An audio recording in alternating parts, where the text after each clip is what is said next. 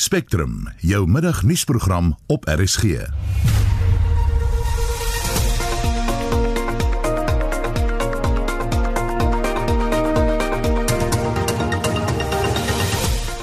In die program twee verdagtes verskyn môre in die Landdroshof in Senekal in verband met die moord op 'n jong plaasbestuurder.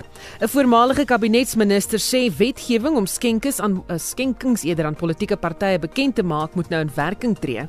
It will happen pretty soon, unfortunately. Some people think that they could hold it up forever. It won't be held up forever and it will change everything. Die prys van petrol en diesel sal om middernag môre aan daal. Twee jagluiperds is vanoggend vrygelaat in die Rietvlei Natuurreservaat in Pretoria. Ons kry meer inligting oor die projek. En die Amerikaanse president Donald Trump word na verwagting vandag uit die hospitaal ontslaan waar hy vir COVID-19 behandel word. Welkom by Spectrum. My naam is Susan Paxton. COVID-19 het vernietigende sosiale en ekonomiese gevolge in Suid-Afrika. Nou, meer as ooit, weet ons hoe krities belangrik entstowwe is. Synexus is op soek na vrywilligers om deel te wees van kliniese entstofproewe met die potensiaal om COVID-19 te oorwin. Kom ons veg saam teen COVID-19. Vir meer inligting, skakel 012 004 1657 of besoek synexusclinicalresearch.co.za. Vorentoe skynstreep RSG. Synexus, wees deel van kliniese proewe. Doen iets lonend. Dis amper weer tyd vir Suid-Afrikaners om hulle tuine saam te vier.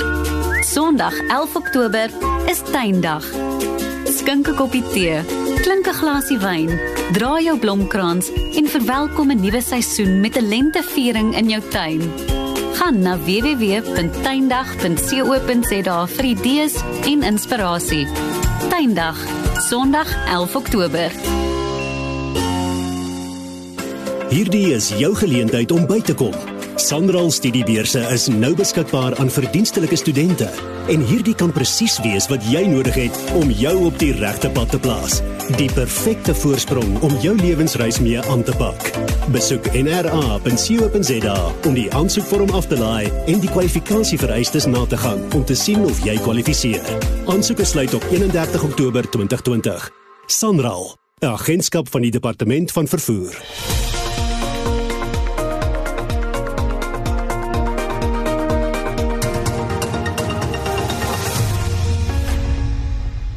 Welkom terug by Spectrum. Dis nou 8 minute oor 1.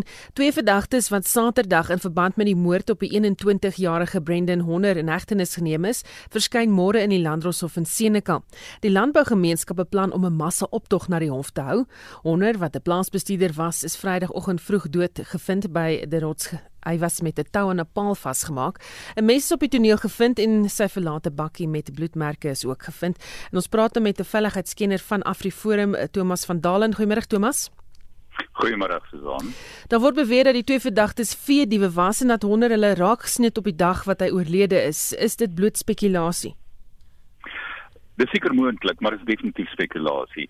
Uh daar's absoluut geen feite wat daarop dui nie, uh Susan uh en ongeag of hulle hulle nou raak gesien het of nie die wyse waarop hy vermoor is en die wrede manier uh ek dink nie mense moet dit probeer afspeel uh dat dit uh dood eenvoudig net want dit wil voorkom asof daar sekere partye is wat probeer uh voorgee dat dit maar net 'n gewone misdaad was hier en nie 'n gewone moord uh as daar so iets as 'n gewone moord kan bestaan hm.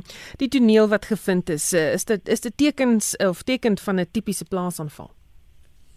Ja, verseker is dit uh, tekens en hierdie is 'n die die manier waarop hulle dit gedoen het, die die feit dat hy in 'n paal vasgemaak is met 'n tou om sy nek is 'n uh, amper 'n vorm van showmanship uh, om vir die vir die plaaslike gemeenskap te wys uh, ons is in beheer hier. Ons sal maak soos wat ons wil. En ook uiteraard is dit 'n 'n metode van afskrikking ook om te sê oppas, kyk wat gebeur met mense wat uh, ons probeer dwarsboom of wat wat ook al hulle hulle doel was daarin.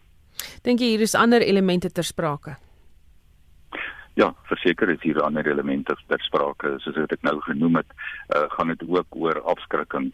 Uh, jy weet as as dit 'n gewone as dit 'n moord was wat hy soos wat nou gespekuleer word dat hy hulle raak gesien het terwyl hulle dalk uh, vee probeer steel het en uh, hulle sou hom se muur net vermoor het en daar gelos het of hom dan nou vasgemaak het. Maar uh, die manier waarop dit gedoen het is verseker uh, daar's uh, elemente van afskrikking betrokke. Beplan julle om deel te neem aan die massa optog na die hof môre? Afriforum sal verseker teenwoordigheid daar hê. Uh van ons Bethlehem tax mense sal al wees en ek glo dat sal ook van ons ander personeel daar teenwoordig wees. As jy raad kan gee aan luisteraars oor watse inligting hulle moet glo en wat nie, wat sal dit wees? Nou enigiets wat sensasie wek uiteraard.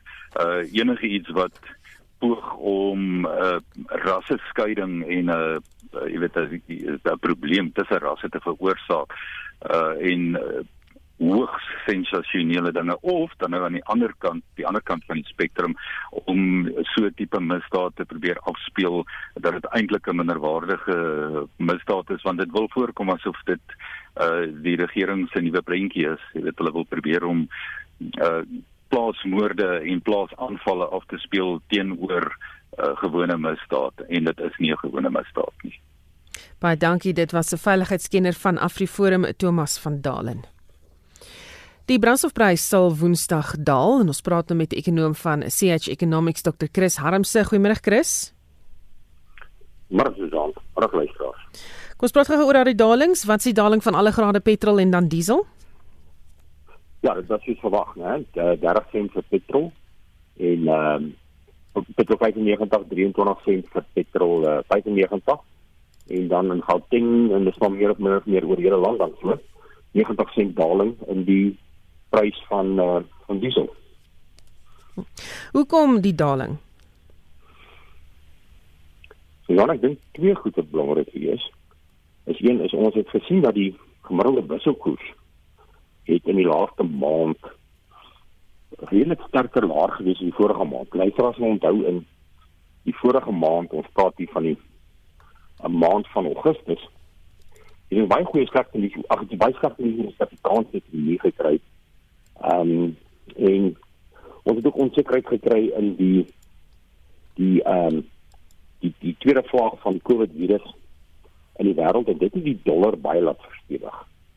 En daai verstewiging van die dollar ehm um, het veroorsaak dat die rand veral in Augustus maand uh die heeltyd by vlakke verhandel het hier van R17.20 tot uh selfs R18. Terwyl in die maand van September die gemiddeld beweeg na min of meer onder 17 rand. Ehm um, hy was al laag as 16 rand en 8 sent per stadium. Maar verhandel ons al klaar hier rondom ehm um, ehm um, 16 rand 43.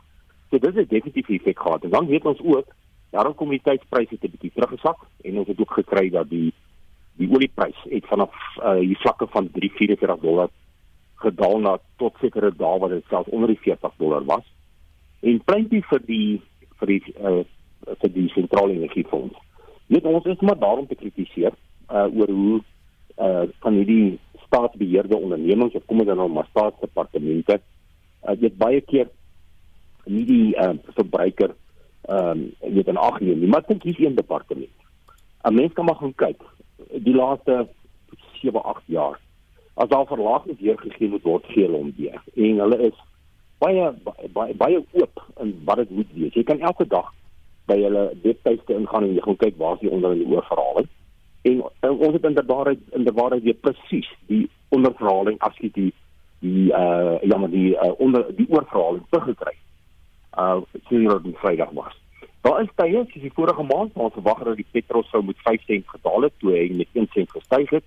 Uh want dit was 'n uh, aankondiging dat die kleinhandelverkoopsprys met 6 sent per liter sou styg wat natuurlik die sentrale energiefonds baie sterk nie geweet het nie. Uh, so ons ons kry hierdie verhogings wat die uh, verhogings en dan ook verlagings wat deurgegee word na die publiek toe en en ek dink dit dra baie by tot weet stabiliteit in die um, in die brandstofmark. Wat is die vooruitsigte vir die prys dan met ander woorde? Ek dink twee goed weer eens hierso ehm um, Susan, as jy net kyk na die rand, uh sien dit Vrydag, né, wat die vaststelling plaasgevind het, oor naweek het hy verstewig verder. Uh dit is alle aanduidings dat die dollar gaan eerder verswak in die volgende maand of twee. Ons het die onsekerheid oor president Trump se siekte. Ons het ook die onsekerheid oor ehm uh, uh, die verkiesing en ehm uh, uh seminare wat ek vandag bygewoon het, sê hoeveel ontleeders hier en in die buiteland dat hulle verwag dat die dollar gaan begin verswak teenoor ander geldeenhede. En ek dink dit gaan bydra tot die rand, die rand verstewiging. 'n Tweede faktor wat ek wil noem is ek dink die feit dat die regering nou begin optree. Ons hoor omtrent nou elke dag van arrestasies uh, rondom 'n um, uh, staatskaping en uh, tenderbedrog. Uh, en en en dit in in buitelandse analiste sien dit. Hulle hulle weet dit ons uh uh weet 'n poging aanwend en ons sien dat die rand is eerder geneig om net te verstewig. Dan die ander ding is die onsekerheid oor die COVID tweede ronde van besmetting in die wêreld druk oliepryse af. En daarom kry ons uh dat die olieprys eerder neig om laer te wees as hoër en hy sukkel om die vlak bo 40 dollar te handhaaf. Die kombinasie van daai twee faktore gaan 'n bydrae lewer dat ek uh, dink dat die petrolprys gaan in begin van November waarskynlik nog verder um, verstewig. Uh, ons moet net een ding sê, uh Susan, ons het verlede jaar Oktober vir diesel betaal R14.30. Nou nou betaal ons R11.70. Hier is 'n volle R2.50 uh uh um, goedkoper. En dit natuurlik gaan 'n effek hê op die inflasiekoers. Inflasiekoers word jaar op jaar bereken en hierdie wat ons soveel minder betaal as jaar gelede gaan definitief 'n bydrae hê dat die inflasie eerder gaan daal. Dieselfde as ons na petrol kyk. Ons het verlede jaar in Oktober betaal R16.21 en nou gaan ons betaal R14.86. Dit is ook hierso by R2.30 plus wat ons minder betaal vir brandstof as 'n jaar gelede. En ek net 'n laaste ding sê, ek dink dit is baie belangrik vir die landbousektor. Die landbousektor is daai sektor wat die ekonomie dra. Ons het gesien hy het 15.1% gegroei in die tweede kwartaal. Uh, boere is nou besig om te plant. Uh, die verwagtinge daar gaan goeie reëns wees. Daar's goeie reëns in die Weskaap ook gewees. En hier is 'n belangrike insetkos, insetkoste vir vir die boer op die op die landerye en die feit dat hy in 'n jaar 'n redelike baie sterk minder betaal vir diesel uh, gaan 'n bydrae ook lewer dat ons miskien weet ons voedselpryse ook minder gaan styg as wat in die verlede is wat ook weer 'n bydrae kan hê op die lae inflasiekoers. Baie dankie dit was Dr. Chris Hanem se ekonom van CH Economics. President Cyril Ramaphosa het homself vandag opnuut verbind tot die regering se grondhervormingsproses. Die president sê die uiteindelike doel van die regering se verhuuring van 900 plase aan begunstigdes is om die landboulandskap te transformeer deur middel van 'n nuwe generasie van boere. Ramaphosa het vanoggend in sy weeklikse nuusbrief gesê die boere moet die stereotipe verdryf dat slegs wit boere in Suid-Afrika kommersieel suksesvol kan wees en dat swart boere voortdurend opkomend is. Ons praat nou hieroor met die bedryfshoof van Graan SA, Janie De Villiers. Goeiemôre Janie. Maar Susan, wat is jou reaksie op die stelling van Ramaphosa? Ja, ek dink jy weet die eerste plek wat ons sê ons is dankbaar dat hulle nou uiteindelik hierdie staatsgrond wil begin gebruik vir landboudoeleindes. Dis nou jammer dit moes so lank gevat het so, maar ek wil in terme van die beginsel dink ek is dit is dit goed. Ek dink oor die proses het ou nou seker 'n klompie vrae en mense het al gesien die staat het nou in die verlede al 'n bietjie 'n klompie boeboes gemaak met met van hierdie prosesse so. Ehm um, dis nou miskien waar waar mense iewers 'n sekere bydrae op 'n manier kan maak en wat ek ook sien, hulle praat hier van 'n 30 jaar ehm um, jy weet leaseooreenkoms nou as die banke nie vir 'n boer gaan geld leen op daai tipe van grond nie, dan dan gaan daai goed definitief weer produktief wees. Nie so ek weet nie of die staat nou met die banke hieroor gepraat het of is dit nou weer een van daai goed wat aangekondig is en dan gaan ons praat. Ehm um, Granis het talle suksesverhale van boere wat jy gementor het. Hoe gaan julle te werk? Ja, kyk, eh, dis 'n dis 'n gesukkel nê, nee, want om as die ouens nie die grond besit nie, dan dan is die lening gedeelte geweldig moeilik. Ons het nou so 'n bietjie van 'n uh, so mengsel reg gekry die afgelope seisoen wat verby is waar ons ehm um, weet so 'n klompie vennote uh, onder andere graan SA aan die insetverskaffers en die banke net maar vennote gewees het om daai risiko's te dek. Dit het eintlik relatief goed gegaan. Uh, dit is maar net klein hektare wat ons doen, maar ek wil daar sal heelwat boere wat wat uh, gehelp is en wat wat op 'n uh, swart boere praat ek nou van wat op 'n kommersiële basis boer. So ek ek dink die president gaan dalk 'n bietjie met ingelig raak ook oor oor van die swart boere wat al heelwat jy weet uh, van hulle wat al op kommersiële basis boer. Die minister van landbou het verlede week gesê alle begunstigdes van die sowat 900 plase moet opleiding ontvang in die gewas van hulle keuse, finansiële bestuur. En um, wie gaan hiervoor verantwoordelik wees?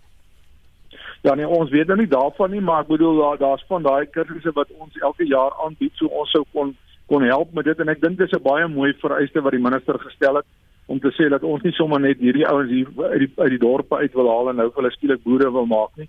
Ehm um, jy weet uh, ons het in die verlede gesien dat die staat se begunstigdes wat gehelp is met die herkapitaliseringsprojekte uh, was ouens wat nie boere is nie en wat nie regtig kennis gedra het nie. So uh, hierdie hierdie is vir ons goeie voorvereistes wat wat die staat stel en natuurlik sal ons kan help en ek dink so ook al die ander kommuniteitshuise wat wat hierdie tipe van goed doen. Is die ondersteuning wat die regering gee of tot dusver gegee het voldoende om suksesvolle onafhanklike boere te vestig? Ag ek dink, jy weet ja, want ek wil as jy nou as jy nou 'n plaas kry en jy kry al jou insette verniet dan dan behoort jy daarmee 'n goeie wegtrek te maak vir al as jy 'n boer is. Maar as jy nou een of ander politikus is of 'n jy weet of jy ken 'n politikus dan dan dan werk dit nou maar net vir 1 jaar goed en dan na verkoop hulle al die goed en dan dan dan lê die plaas nou braak, jy weet. So Um, ek dink maar net hier moet 'n bietjie meer samewerk met die private sektor wees en dis hoekom ons nou maar teleurgestel is dat in die keuse van begunstigdes is daar 'n herrester wat hulle die private sektor intrek om te sê maar ken julle hierdie ou het hy al die kursusse gedoen? Jy weet baie van ons boere is gereed om hierdie goed te doen maar hulle het nou nie toegang tot grond nie so um, ek dink maar net of hulle hulle werkstaatsgrond op die oomblik en hulle hulle kry nie met hierdie huurooreenkomste reg nie maar nou moet ek ook sê Susan as ons winsgewendheid in die graanbedryf onder druk is Ja, nou dan dan dan kry jy amper niks reg nie. Jy weet, uh, dan help dit gee vir alles vir nie die volgende jaar gaan net nie maak nie, maar um, iewers langs die pad moet ons ons winsgewendheid reg kry. Uh, ek dink dit is waar ons waar waar waar groot deel van hierdie sukses moet lê. Hmm, ek wil net vir jou vra, jy weet, hoe kan grondhervorming meer suksesvol uitgevoer word? Ja, ek dink die die die die gedagte oor die vennootskap is is maar nog altyd vir ons belangrik, nê, nee, as as ons kan help met die begunstigdes se identifisering jy weet daar was sulke distriks uh grondhervormingskomitees waar ons op sitting gehad het en toe ons nou agterkom later maar jy weet hulle neem niks in ag wat ons sê nie toe die ouens maar aftrek want jy weet jy dit help jy sit die hele dag daar en wag vir die ouens om vergadering toe te kom en as hulle uiteindelik daar kom dat hulle klaar besluit wat om hulle gebeur nie. Maar as ons kan help met die identifisering help met die opleiding help met die mentor gedeeltes en en daai kom ons sê oor inkomste soos daai 30 jaar lees hy vir die bank aanvaarbaar is dat daar 'n lening gegee kan word vir daai tipe boer, dan dink ek jy weet dit het ons bietjie nader gekom aan die, aan aan waar ons op die oomblik is en nou bietjie nader aan aan meer suksesvol. Baie dankie, dit was die bedryfshoof van Graan SA Jannie De Villiers. Die Amerikaanse president Donald Trump se besluit om die hospitaal waar hy behandel word te verlaat om gesig te wys by ondersteuners ontlok gemengde reaksie. Trump het agter in 'n voertuig gesit met 'n masker op en alle vensters toe. Hy het deur die strate gery waar aanhangers hom toegejuig het, maar hulle het verseker meer besonderhede. Kritisie bestempel die voorval as politieke teater en waarskynlik dat diegene wat saam met hom in die kar was se blootstelling aan die virus verhoog is. Volgens Dr James Phillips, die hoof van die rampmedisy aan die George Washington Universiteit, is Trump se voertuig nie net bestand teen koels nie, maar ook gasaanvalle wat beteken dat die voertuig lugdig is van die binnekant af. Dit verhoog volgens hom die kanse dat diegene binne die voertuig die virus kan opdoen. Ten tye van sy opname in die hospitaal was Trump glo onder die weer en moes hy suurstof en dexamethasoon ontvang. Fotos is egter kort na sy opname gedeel waarin die president aan die werk is binne die hospitaal. En hom is saam die volgende boodskap. I just want to tell you that I'm starting to feel good. Uh, you don't know over the next period of a few days. I guess that's the real test. So we'll be seeing what happens over those next next couple of days. Of Trump werklik in isolasie werk, word egter nou bevraagteken. Honderde ondersteuners het die naweek om die hospitaal saamgetrek met vlae musiek en patriotiese drag, terwyl booteienaars in Florida 'n saamtrek gehou het vir die president. Trump se demokratiese teenstander in die komende verkiesing, Joe Biden, het Trump beterskap toegewens, maar kritiseer steeds die president se hantering van die pandemie. Biden het negatief getoets vir die virus, saam met die adjunkpresident Mike Pence wat verkiesingsveldtogte gaan voorsit. Ek's Marlene Forsie vir SAK nuus. Nou as jy pas by ons ingeskakel het, die Amerikaanse president Donald Trump word na verwagting vandag uit die hospitaal ontslaan nadat hy verlede week met COVID-19 gediagnoseer is. Hy het honderde ondersteuners buite die hospitaal gister verras toe hy masker en al in 'n voertuig verbygery het en mense gegroet het. Daarna is hy terug hospitaal toe. Vir sy mening hieroor uh, praat ons nou met die politieke ontleder van die Noordwes Universiteit se besigheidskool Theo Venter. Goeiemôre Theo. Goeiemôre. Die stap lok heelwat kritiek uit, veral omdat Trump steeds in die hospitaal was ten tye van die verskyning. Daar's diegene wat die stap as politieke teater bestempel. Wat is jou mening? O ja, is onteenseglik politieke teater. Dit is Trump wat wil wys hy's in beheer.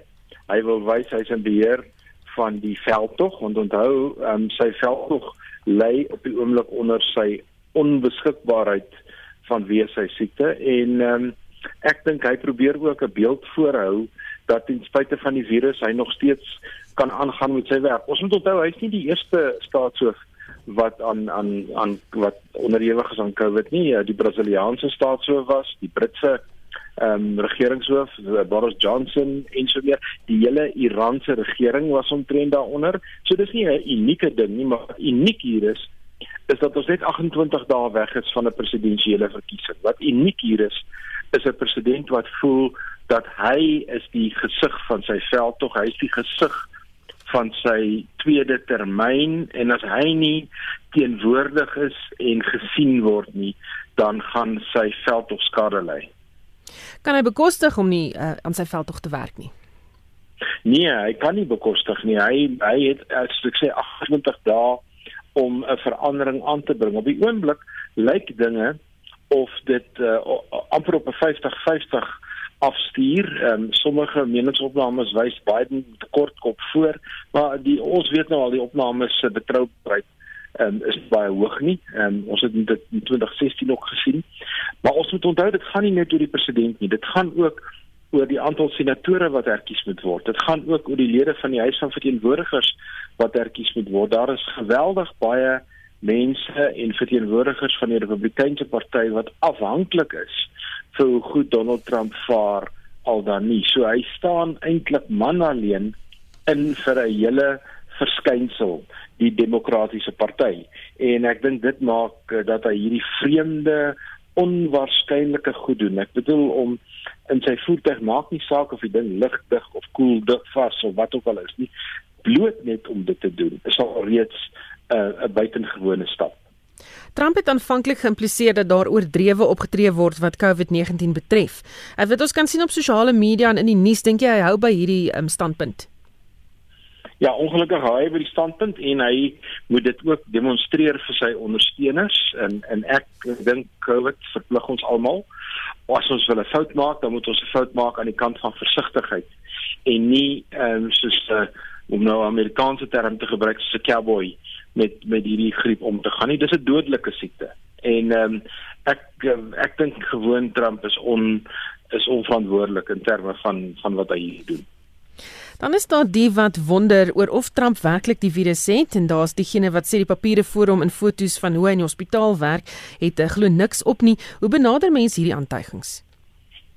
Ja, ek dink hy het die virus want uh, al die mense rondom hom het die virus en daar's genoeg getuienis dat die virus in alle waarskynlikheid uh, versprei het by die geleentheid waar die nuwe kandidaat vir die er, vir die vir die Hooggeregshof aangewys is dat dit die groot verspreidings geleentheid was. Ons moet onthou dat die heel eerste opmerking of die eerste ding wat ek raak gesien het toe hy uit die withuis uit na die helikopter toe stap en hy in die helikopter inklim op pad na die hospitaal toe. Die derde of die vierde persoon wat in die helikopter ingeklim het was 'n fotograaf, 'n dame. So sy hele wees daar in sy teenwoordigheid word die hele tyd op film vasgelê en daar word foto's gestuur. Natuurlik is die is die foto wat van hom geneem is waar hy sit en werk. Onthou hy het 'n hele presidensiële suite bo in die hospitaal. Dit is hoekom mense dink hy lê nie in 'n bed soos wat normale mense in die hospitaal sou. Het 'n hele suite waar hy kan vergaderings hou en waar hy kan in isolasie verkeer. En geweldig baie daarvan word as fotogeleenthede afgeneem. Selfs selfs op sy kantoor ek dink die ouens wat dit sê is so bietjie uh, so bietjie verneig.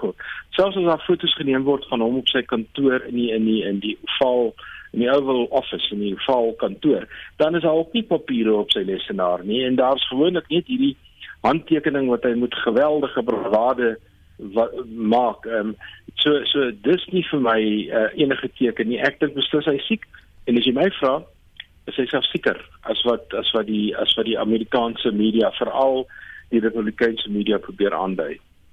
Baie dankie. Dit was Stew Venter, 'n politieke en beleidsontleder aan die Noordwes Universiteit se besigheidskool. Jy luister na Spectrum elke weekmiddag tussen 1 en 2.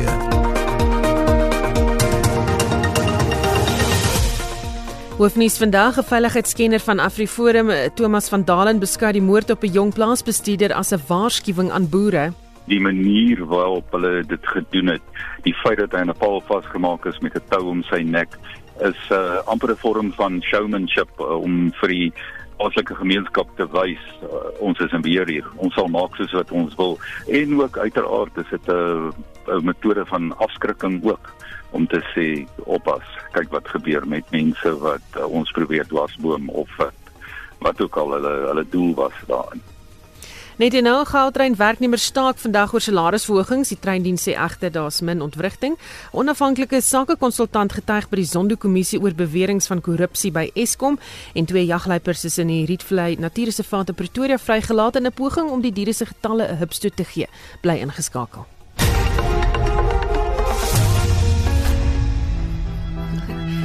Kan Paul ook nie slaap nie? Nee, ek kan nie. Wat hou jou wakker? Ivana ask. Ag, pa. Sien nou maar die Duitsers besluit hulle wil ons ook binneval. Jy meen die Unie van Suid-Afrika? Ja, pa. Wat gaan dan van ons word? My dearest child. Ek is nie so bang dat die Duitsers die Unie sal binneval nie. Ons is te ver en dit is te duur vir hulle. Ek bekommer my oor die droogte en die toorn van God. Luister elke weekmiddag om kwart voor 3 na Die Wilde Drui Val deur Pia Nortjee vir RSG verwerk deur Eben Kruiwagen.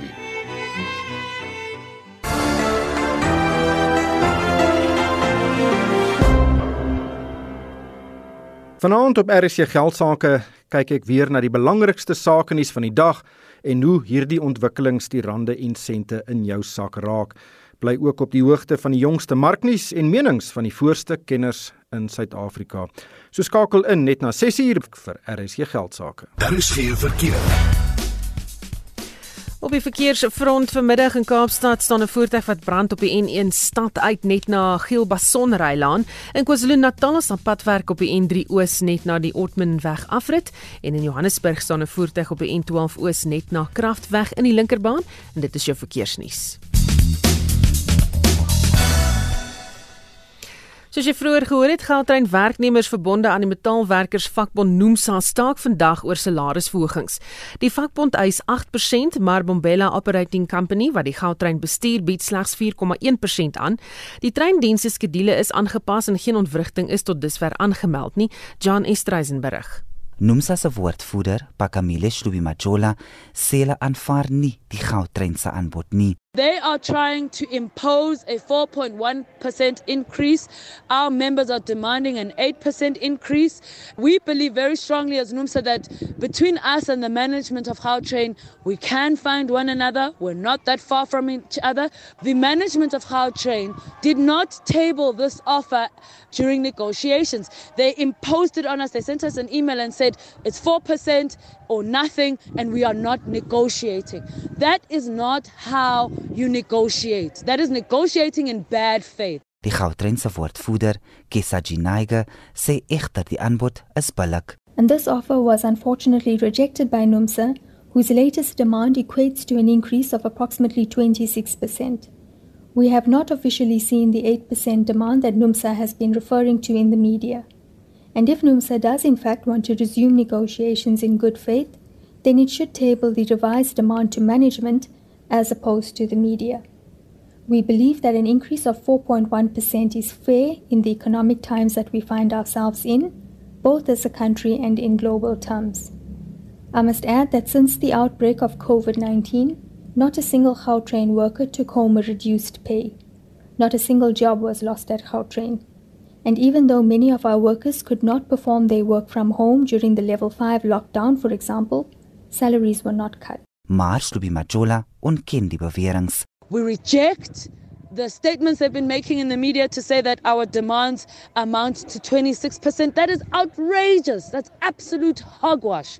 And we reject it with the contempt it deserves. We've been very clear that the demand is 8%, but we are willing to compromise. Intussen sê Naiga dat die treinskedule aangepas is. We are pleased to advise that trains are operating at 15-minute intervals this morning. This is as opposed to every 30 minutes as we initially advised. The morning peak period was between 5:30 and 9 a.m. The same will apply for the afternoon peak period, which is between 3 and 7 p.m. We will not have a train service during the off peak period, but the bus and minibus service is not affected by the strike, and these services will continue to operate as per the standard schedule. Beide Nomsa en die goudtrein is bereid om te onderhandel, maar na hy gesê daar is 'n voorwaarde. We do want to reach a speedy agreement with NUMSA to end the wage deadlock, but to do that, NUMSA must table a revised demand to the company and be prepared to consider the counter demands by the company. To date, NUMSA has not been willing to consider the company's counter demands. NUMSA sê die staking sal onbepaald voortduur. Jean Estreisen, SAICanis. Die Nasionale Taxi Alliansie sê die departement van vervoer moet sy belofte om die kapasiteit wat taksies mag vervoer oor lang afstande hersien. Taksies mag weer hulle volle kapasiteit gebruik om mense oor kort afstande te vervoer, maar slegs 70% kapasiteit mag gebruik word oor langer afstande. Die woordvoerder van die Taxi Alliansie, Theo Malele, sê die regulasies is besig om die bedryf dood te druk. We calling for consistency with uh, the minister to say that you know long distances and cross borders percent as long as um, so this uh, we comply with the non-surgical uh, protocols, like as you alluded to already, wearing of masks and uh, sanitizing, uh, disinfecting vehicles, and ensuring that there is uh, sufficient ventilation in the vehicles. I mean, it's, it's been evident that in uh, short distances, where there was also rough speculation that these vehicles would actually have spread the, the pandemic, and uh, clearly the opposite uh, has been true.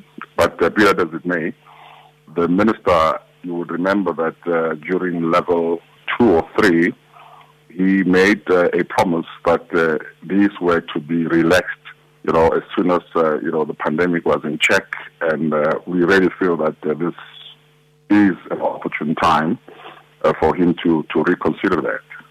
Malele sê die rasionaal agter die regering se regulasies maak nie meer sin nie. Why don't you think about the consumption of uh, alcohol uh, where people uh, would not necessarily uh, wear their masks and uh, you know because of the influence of uh, alcohol they may even forget to uh, ensure that uh, their hands are clean all the times and uh, they even stay much longer in those uh, you know pubs that clearly is a danger to society but uh, with, with the industry, it has been evidently clear that uh, there is adherence to this. And surely we await an advice then from the NCCC to say, indeed, if we were to you know, have people with masks on and sufficient ventilation, uh, the virus will still spread. Malele wou nie sê wat die organisasie sal doen as hy nie sy sin kry nie. Look, if we don't get what we want, we obviously would not. Uh, we are a disciplined organization. We would not, uh, you know, say that you know this is what we'll be doing if the minister does not uh, accede to our demands. But uh, you know, there, are legal routes that we may have to consider if we strongly believe that uh, you know there is a case to be answered here, given that uh, we, we really feel that uh, we have been treated with disdain. Dit was die woordvoerder van die Taxi Alliansie, Theo Malele. Die kommissie van ondersoek na staatskaping het vandag nog getuienis aangehoor oor beweringe van korrupsie by Eskom.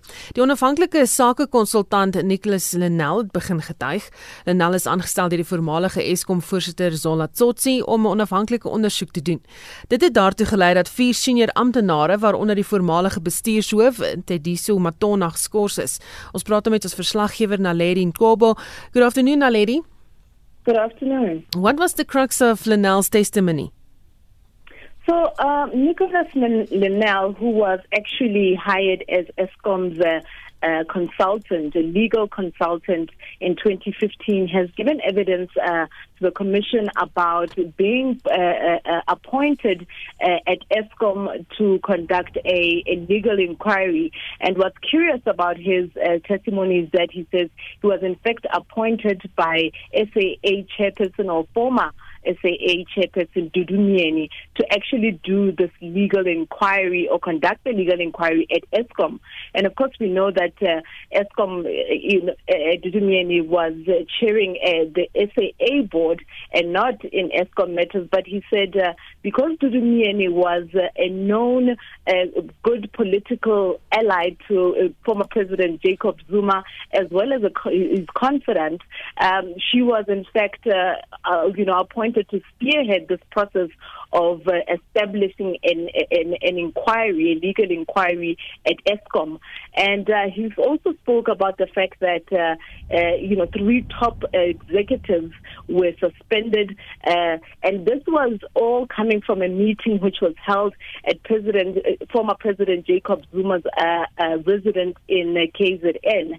And he says the first part of that meeting, the, the former president was not present for, but he was he then joined the group in the second part. And uh, by the group, I mean that uh, Dudu Mieni and her son, uh, Talente Mieni, as well as uh, former ESCOM chairperson Zola Tsotsi were also present at this meeting, and another gentleman named uh, by them just named Jabu was also at this meeting, and it was discussed that a an, an ESCOM inquiry would be established, and that three top executives at uh, ESCOM would be suspended, and this was all due to the fact that there was uh, you know concerns about a pending or looming load shedding so um, President Zuma, or former President Zuma, uh, was seen to be interfering. But uh, Linnell says that he didn't consider this to be political interference. He felt like uh, the president was uh, taking on his duties as the head of state. So, what can we expect at the commission this afternoon? Well, this afternoon we'll continue to hear the testimony of uh, Nicholas Linnell, and uh, that's basically what the Commission has had on its agenda for the day. So we'll hear how it goes, but we know that the only person who was meant to be appearing today was uh, Nicholas Linnell. Baie dankie. Dit was ons verslaggewer Naledin Kobo. En soos jy kan hoor, dreun die weer hier in die agtergrond se klink vir my dit gaan 'n storm wees 'n bietjie later. So as jy op die paai is, ry asseblief versigtig. Shaun Jooste het die sportnuus. In tennisnuus, in vandag se laaste 16 ronde by die Franse Ope in die mansafdeling kom die Griek Stefanos Tsitsipas teen Grigor Dimitrov van Bulgarië en Novak Djokovic van Servië later teen Iris Karen Khachanov te staan. In die vroue afdeling speel Ons Jabeur van Tunesië teen die Amerikaner Danielle Collins.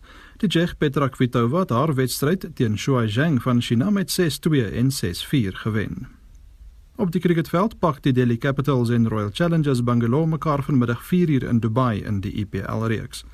Australië se vroue span het Nieu-Seeland vanoggend in die tweede wedstryd van hulle eendagreeks met 4 paaltjies geklop en die reeks ook met 2-0 beklink. Daar bly nog een wedstryd oor. Fietsry. Die 2020 Giro d'Italia is aan die gang en vandag se derde skof is 150 km lank. Die plaaslike Filippo Ganna is die algehele voorloper. Laastens in rugby nuus. Die Nieu-Seelandse rugby het aangekondig dat toeskouers by die tweede Bledisloe beker toets in Auckland tussen die All Blacks en Wallabies toegelaat sal word nadat COVID-19 inperkings in die stad gelig is. Die kragmeting is vir 18 Oktober geskeduleer. Toeskouers word ook by eerskomende Saterdag se eerste Bledisloe toets in Wellington verwelkom. En dit was Shaun Jooste met RSG Sport. Twee jagluipers wat deel vorm van die bedreigde spesietrus se uitbreidingsprojek is vanoggend vrygelaat in die Rietvlei Natuurreservaat in Pretoria. Die projek beoog om jagluipers oor die kontinent heen in die natuur te hervestig en ons verslaggewer Lila Magnus hierdie geleentheid vanoggend bygewoon. Goeiemôre Lila. Goeiemôre Susan. Vanoggend se verrigtinge vorm deel van die bedreigde spesietrus se poging om jagluipers oor die kontinent heen te hervestig.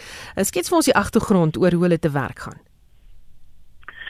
Wat hulle doen is omdat meeste van die jagluipers in natuurreservate is, kan hulle nie meer natuurlik tussen die reservate deel nie. So wat die ehm um, die trust doen is hulle fisies vat nou jagluipers na ander dele toe om dat daar nuwe DNS in die populasies kan inkom. So uh, Vincent van der Merwe is die trust se uh, hoof van die uh, jagluiperd DNS metapopulasie. So hy bestuur basies die jagluiperd se DNS om seker te maak dat daar nie inteling nie en dat die DNS so divers as moontlik bly in Suid-Afrika en in um, die kontinent van Afrika. En waar kom die jagluiperds vandaan en hoekom is hulle juis hier vrygelaat? Wel die wyf in Josie, um, haar naam beteken droom in Swahili kom van die Weskaap af en die mannetjie kom van die Waterberge in Limpopo af en albei is wilde jagluipers wat uit reservate uitkom. En Josie is hiernatoe gebring om hier in Rietvlei Natuurreservaat te bly. Sy gaan hopelik dan nou die wyfie wees wat die teelprogram weer gaan afskop hier in die reservaat. Joe gaan hier bly tot omtrent die begin van Januarie, begin volgende jaar en dan gaan hy Mosambiek toe. Hy ehm um, om daar weer 'n uh, nuwe geenpool basies te begin of nuwe gene in daai ehm um, jagluiper populasie te kry. So wanneer Joe, Joe weggaan, dan kom daar twee ander mannetjies in wat ehm um, BNS het van Botswana se populasie. En hulle sal dan die mannetjies wees wat hopelik dan nou sal paar met Josie en om die teelprogram dan weer op die been te bring. Hoe het mense gereageer op vanoggend se vrylating? Ek moet vir jou sê, ehm um, die mense hier was baie opgewonde. Hulle was baie trots dat hulle weer die teelprogram kan afskop. Die ehm um, dit reservaat is ideaal vir jagluiperds omdat hier nie leeu's is of hyenas nie. So daar's hulle natuurlike bedreigings is nie hierson nie. So uh, hulle hoop dat die program weer so suksesvol sal wees soos die vorige keer.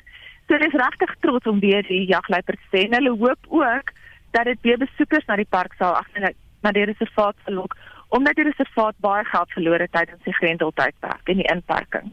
En die jagluiperd self? Al hulle lyk like asof hulle gelukkig is. Josie kom van die Weskaap af en sy was blykbaar in die reservaat waar sy was.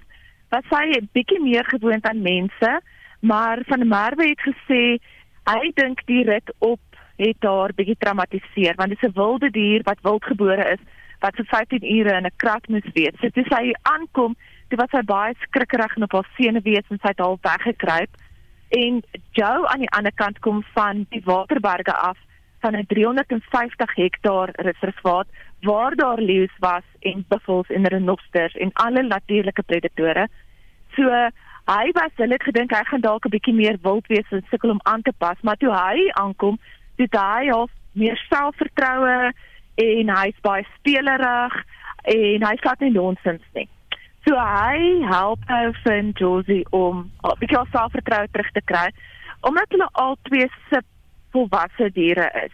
Is hulle dieselfde ouderdom wat hulle van maas af weg sou verdryf word. So die tweeetjies gaan na mekaar nou leer hoe om 'n jagluiper te wees.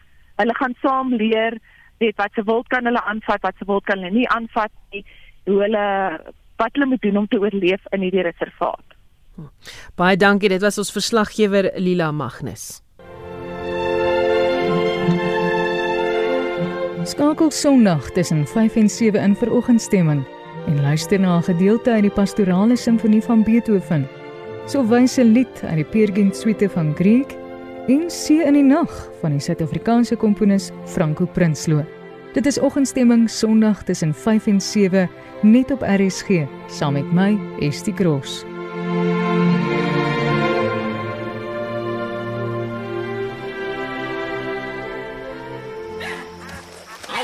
Jy sal nooit 'n eend in die dam vang nie. Hulle duik elke keer as hy naby 'n eend kom en swem daaronder hom deur. Ek kan dit nie verdra as mof so onbeholpe in die water is nie. Beter so, dalk maak hy een seer as hy hom in sy bek kry. Ek gooi hom liewer met 'n klei dat hy uit die water uitkom. Nee, Frikkie, net nou gooi jy hom raak. ja. Hoekom gooi jy my nou met kleite? Sis tog ou baas. Wat maak jy nou?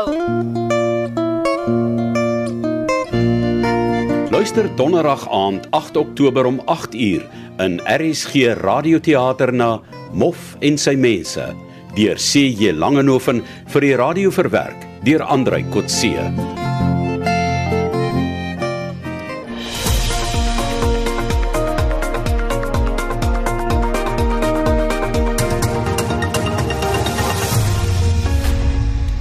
1349 jy luister na Spectrum.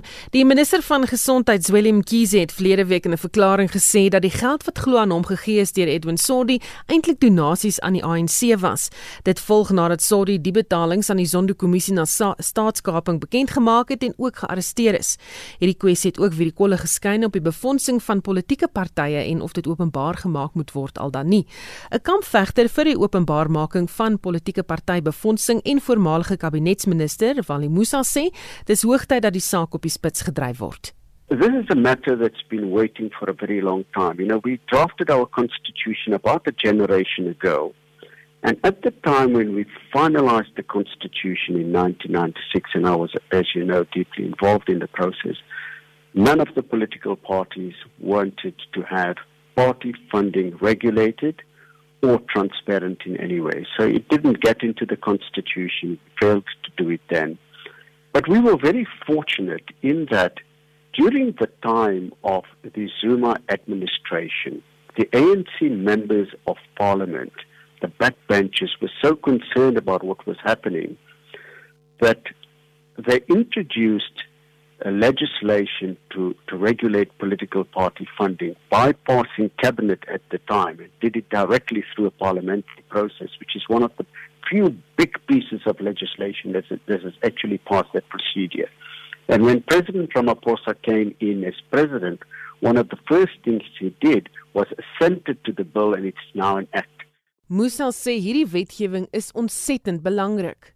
And I must say that this is a very, very far-reaching uh, piece of legislation because what it does is that it requires political parties to report on all their donations to the Independent Electoral Commission. And the IEC, on a quarterly basis, will tell the public the DA has received X from so and so, the ANC has received X from so and so, and all of this will be brought into the light. That's what the Act actually requires. And then the Act, for the first time, makes it very clear who you may not take money from if you're a political party. Of course, proceeds of crime, state-owned enterprises, government departments directly or indirectly. In this Saudi matter, it does appear as though it could have been that the money was actually coming from a government department and ended up in the coffers of a political party. So this act makes all of that clear. Musa sê die grootste probleem is dat alhoewel daar 'n wet is, niemand dit wil implementeer nie. Problem of course that we have is that the act hasn't come into operation. And the reason for that is that the apparatchiks in all of the political parties don't want it to come into operation. And so you find that there's a kind of a conspiracy of silence between the political parties. Uh, the president has confirmed the bill, he signed the thing. The big wigs at Lutuli House don't want it to happen, and the people in the DA don't want it to happen, and I think the people in the EFF don't want it to happen. So it's sitting there on the shelf doing nothing. It will come into operation because the parties cannot es- escape this matter. It's a properly passed piece of legislation by Parliament. It was approved in, by Parliament in 2018 with an 85% majority. Not one member of Parliament voted against it because nobody wanted to be seen to be against transparency, you know, publicly. Uh, and since then, of course, nothing has happened. But it is very, very far-reaching. I must say that these big constitutional changes do take a long time to make. And had we not had a person, a president in the person of President Ramaphosa, I've got a feeling it may not have happened at all. Because it's the first time that you have the leader of a political party approving legislation which is going to place handcuffs on the funding of that party itself. It's the first time every leader of, of, of every political party up to now Musa sê as die wetgewing reeds in werking was, het ons nie helfte van die korrupsie gesien wat ons tans sien nie. I think we should look out for this and it will happen pretty soon unfortunately. Uh, some people think that they could hold it up forever. It won't be held up forever and it, it will change everything. If we did have that legislation already in force, which it should have been, it should have been in force more than a year ago. None of this needed to be necessary. We wouldn't have had the need to go through all kinds of uh, commissions of inquiry and various other sorts of things because the parties themselves would have had to, to report on their donations. One thing I shouldn't forget to say is that if a company, like we've had in this case, makes a donation to a political party, the law requires the company to report that donation to the IEC. So it gets reported from both sides, from the political party and from the company itself. What is a, a part of the philosophy of this whole thing is that political parties are necessary. We need them for our democracy. They're important institutions in society, and we as the taxpayers should be funding them rather than leaving them to go around, you know, asking for money from every disreputable character in town because those are the people that are first in line to fund political parties because they want favors. En dit was 'n kampvegter vir die openbaarmaking van politieke partybefondsing en voormalige kabinetsminister Wally Musa. In hulle soeke na beter lewensgehalte wend al hoe meer gesondheidsbewustes hulle na ou rate en vervloë dae se manier van voedselverbouing. Dis die waarneming van twee vroue van twee verskillende dele van die land en twee verskillende kulture. Dries Liebenberg het met 'n Indiese chef in Durban en 'n Johannesburgse landskapontwerper gepraat oor mense se herontdekking van hulle koserfenis. I know what my New Year's resolution is already and that I'm going to try and and use this beautiful resource that our culture and tradition has given us of these wonderful healing foods, which we know about, but we poo poo in favor of more Western food because it looks, I'm a foodie, so, you know, I want to taste all the new things and try. And yet, here we have, we actually have a pharmacy in our kitchen. Die hoof van 'n Durbanse chefskool, Thigam Natu, verduidelik dat baie bestanddele van Indiese kookkuns ook in ou rate gebruik word danksy die gesondheidsvoordele wat dit inhou. Sy het byvoorbeeld die gesondheidseienskappe nagevors van 'n speserymengsel genaamd Marincello. Vyf soorte speserye word fyn gemaal en 'n aftreksel word gemaak wat gewoonlik aan vroue gegee word nadat hulle geboorte geskenk het, maar word ook gebruik om verkoue en griep te behandel. Volgens tradisie sorg ouer vroue gewoonlik vir 40 dae vir die nuwe ma sodat haar liggaam kans het om te herstel en sy 'n band met haar baba kan smee. Natu sê tradisionele kookkuns word dikwels verdring omdat mense gejaagde lewens lei. Sy sê toe haar hele gesin weer onder een dak was tydens die COVID-19 inperking, het hulle die kans gekry om ou resepte te herontdek. All our cousins would cook. We have a WhatsApp group And we all posted on this WhatsApp group whatever we cooked. And then everyone was like, oh, that looks so nice, pass me the recipe. And can I tell you, almost everything that was on there is us going back to our roots. We had the time now to where we weren't cooking, we don't have like, oh, I've got half an hour, I must cook the supper because I just came home from work. We were all at home. We all had the whole day. And it was absolutely wonderful because we rediscovered, as my son said, the childhood favorites. Joy Pala se lewe het 7 jaar gelede 'n ander rigting begin inslaan met die geboorte van haar eerste kind. Sy het na die geboorte aan depressie gely en een van die maniere waarop sy dit hanteer het, was om na kookprogramme op TV te kyk terwyl die baba slaap. Waar sy in die stad gewoon het, het sy weer groente en kruie begin plant, soos die mense van die Jane First omgewing in Limpopo waar sy groot geword het. Deesdae spesialiseer Pala in tuinontwerpe wat 'n kombinasie van kos en ornamentele plante is. As much as people want to be able to grow their own food, they also want to live in beautiful spaces that inspire them, that refresh them, that make them feel whole at the same time. So it, it can't just be food and it can't just be a, a question of the beautiful space. Pala maak organies tuin en sê globalisering het mense baie meer bewus gemaak van die gesondheidsimplikasies wat gifstowwe en geneties gemanipuleerde gewasse inhou. People are asking for food that is more heirloom and more natural, more naturally pollinated that that is sort of food in its original state has not been tampered with in any way because we are more aware that you know food our carrots in the 1950s were much better carrots than we are eating right now. So the nutritional value of the food has also gone down because of conventional ways of farming and conventional ways of growing food. So, and people, uh, it, it's not something that, you know, you're not going to open the newspaper every day and find something about what I'm saying right now. But people are doing their research. Dis dieselfde ingesteldheid wat NATO onder jong mense sien wat tradisionele Indiese rate betref. Toe NATO se dogter 'n moeilike swangerskap gehad het, het sy haar tot hierdie rate gewend nadat sy dit self op die internet nagevors het. Ek is Dries Liebenberg in Durban. daarmee groet die Spectrum span. My naam is Susan Paxton.